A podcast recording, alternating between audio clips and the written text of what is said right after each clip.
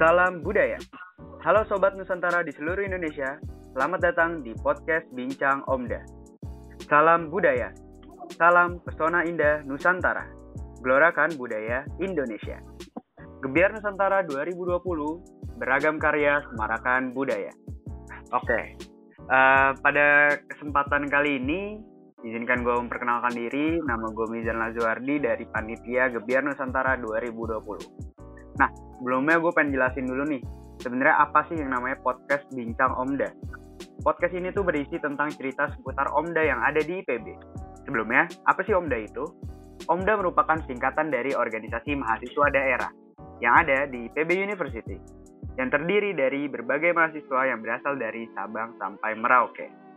Nah, pada kesempatan kali ini kita akan berbincang dengan narasumber kita dari salah satu Omda yang ada di IPB. Nah, udah bersama gua Kak Abid. Halo Kak. Iya, halo. Selamat siang. Siang. Uh, mungkin bisa perkenalan diri dulu Kak. Uh, perkenalannya nama, terus habis itu uh, sebagai apa di Omda dan mungkin kasih deskripsi singkat terkait Omda Mahakam sendiri.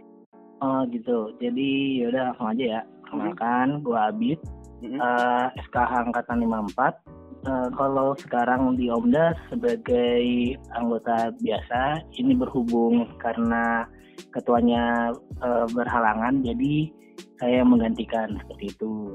Okay. Uh, terus deskripsi Omdanya uh, omdanya uh, omda dari kita ini sebenarnya nggak terlalu besar, uh, nggak seperti omda-omda lain, ya dikarenakan kalau uh, anak-anak muda di sini ini emang ke, belum tertarik kayak gitu, hmm. masih banyak yang belum tertarik ke IPB, hmm. jadi uh, satu angkatan itu cuman ya cuman 20 orang, cuman belasan orang seperti itu. Hmm, iya. Nah, walaupun kayak gitu tapi alhamdulillah hendaknya tetap berjalan lancar dengan uh, berlandaskan kita lebih ke sistem kekeluargaan seperti itu. Oke. Okay. Uh, eh, buat kabarnya sendiri, Kak Abid gimana Kak kabarnya? Alhamdulillah baik aja. Baik ya. Uh, walaupun ya ya ya walaupun kayak gini kan ya yeah. lagi keadaannya. Oke. okay. Nah di sini gue agak penasaran nih terkait uh, asal usul Omda. Nah kalau boleh tahu kira-kira kapan sih berdirinya di Omda Mahakam tersendiri gitu?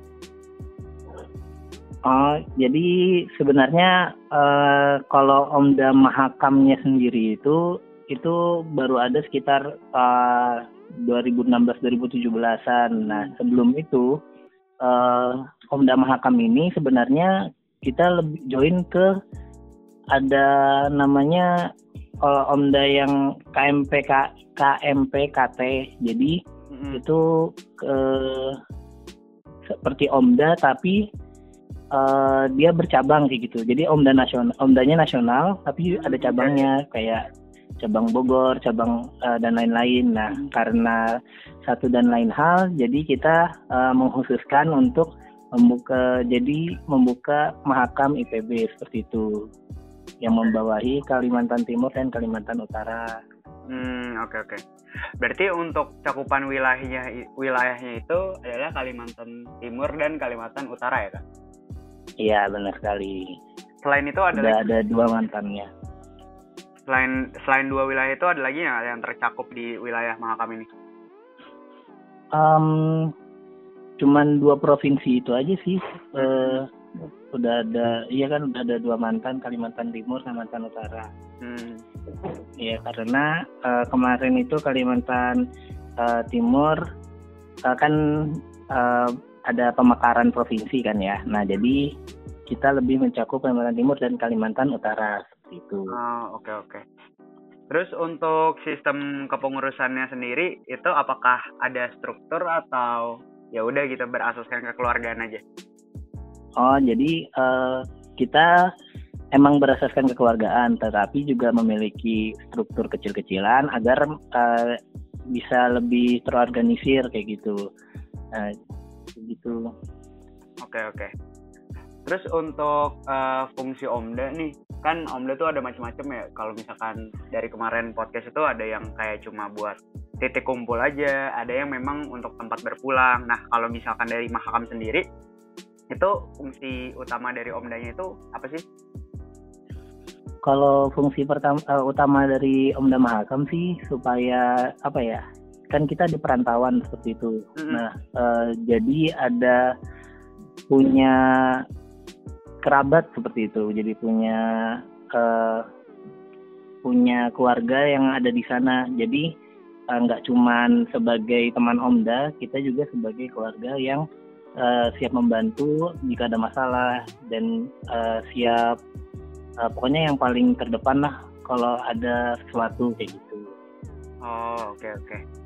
Uh, terus di Mahakam sendiri ada nggak sih hal unik yang uh, yang ada di Omda tersebut yang kayaknya tuh di Omda lain nggak ada deh? Atau membedakan lah dengan Omda-Omda lain?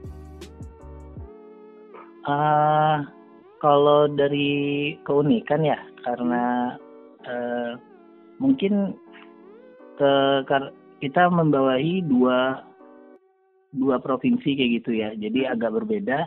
Dan keunikannya juga mahasiswanya uh, sedikit gitu dari omda-omda lain seperti itu hmm, iya, iya. Uh, terus ada nggak sih aktivitas rutin yang dilakukan sama Mahakam ya yang dan paling ditunggu-tunggu Um, kalau aktivitas rutin sih kita biasanya uh, rutin ngumpul-ngumpul kayak gitu kan ya, ya. main-main uh, main bareng hmm. waktu di sana. Terus juga biasanya kalau acara tahunan ada kayak ada makrab, uh, ada IGTS. Gitu. Hmm, oke okay. Okay. Terus kalau tadi bahas tentang kepengurusan, sekarang tentang keanggotaan nih kak. Nah, keanggotaan sendiri itu apakah uh, ada syarat khusus nggak untuk menjadi anggota dari bagian uh, Om Day sendiri atau ya udah uh, cukup konfirmasi aja kalau dia dari Kalimantan Timur atau Kalimantan Utara.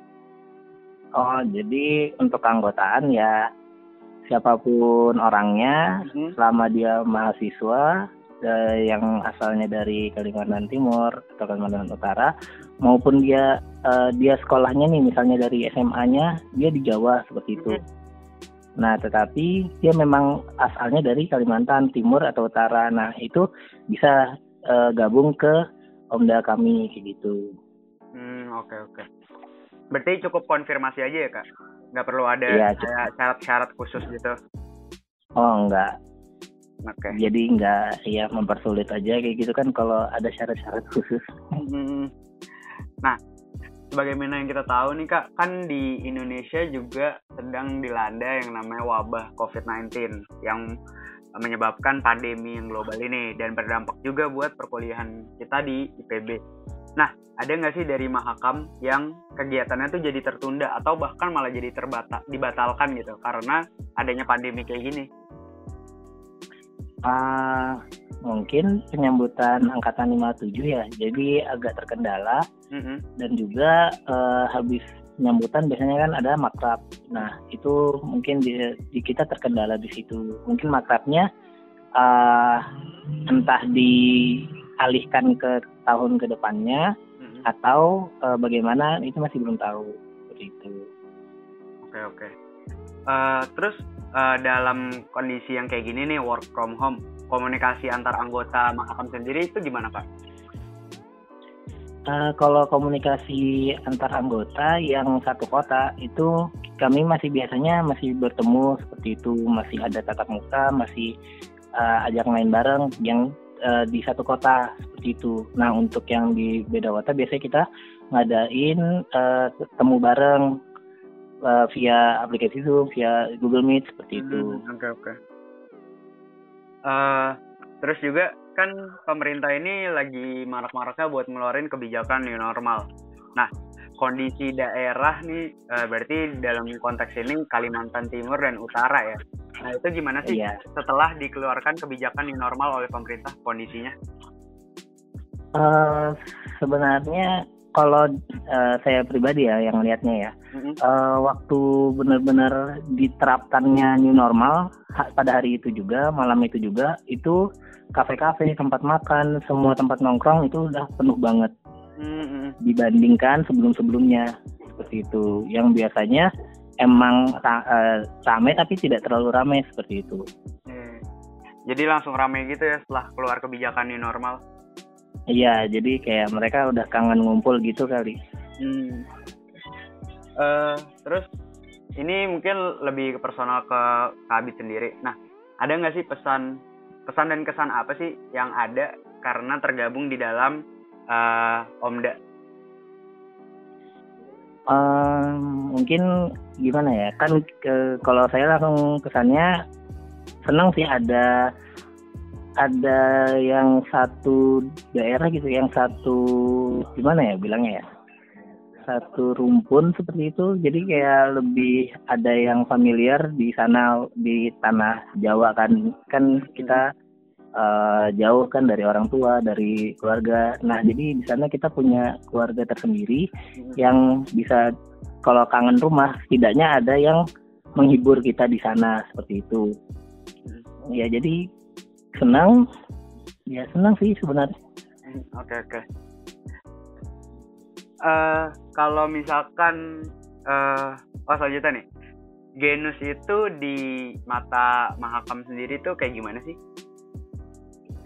Kalau di mata Mahakam sih, kalau genus itu uh, jadi uh, pernah event yang pertama baru pertama kali diikutin sama jadi uh, jadi kalau bisa dibilang kita masih newbie lah, masih noob gitu kan, ya masih. Misalnya kita juga baru pertama kali ikut dan ya ini baru tahun pertama buat ngeberanikan diri seperti itu. Biasa tahun-tahun sebelumnya karena kita keterbatasan orang hmm. uh, jadi uh, biasanya belum ikut seperti itu hmm. uh, terus uh, apa sih harapan uh, dari Kabit sendiri untuk Mahakam di tahun ini dan juga untuk Genus 2020 uh, kalau harapannya semoga semoga terlaksana ya, semoga terlaksana dengan baik walaupun banyak kendala dan juga uh, banyak halangan lah pokoknya dari uh, dari kondisi seperti ini dan juga mungkin dari uh, efek dari kondisi ini kayak gitu. Hmm. Oke, okay. ini di sini gue ada pertanyaan khusus nih kak. Nah, melihat situasi yang kayak sekarang nih, tadi kan kita udah sempet uh, bahas tentang komunikasi ya. Lihat situasi yang kayak sekarang, gimana sih cara uh, teman-teman dari makam buat tetap dekat dengan anggota eh, dengan sesama anggota lainnya? Ada tips nggak kak? Oh, uh, di masa pandemi ini ya? Mm -mm.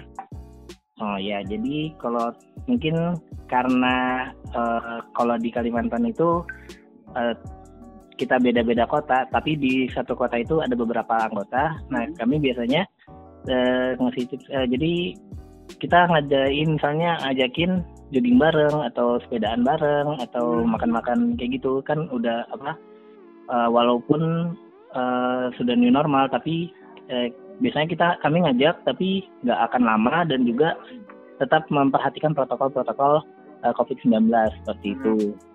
Ya dan juga ya nggak terbatas di situ aja. Bisa jadi uh, silaturahim juga berjalan berjalan tetap hmm. menggunakan uh, aplikasi-aplikasi online seperti itu.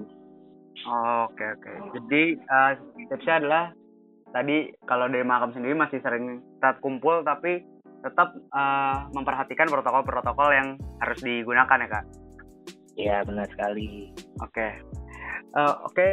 nggak terasa udah sampai di penghujung podcast kali ini gue pribadi pengen bilang makasih banyak kepada Kak Abid untuk ketersediaannya menjadi narasumber langsung dari uh, Omda Mahakam. Makasih ya Kak.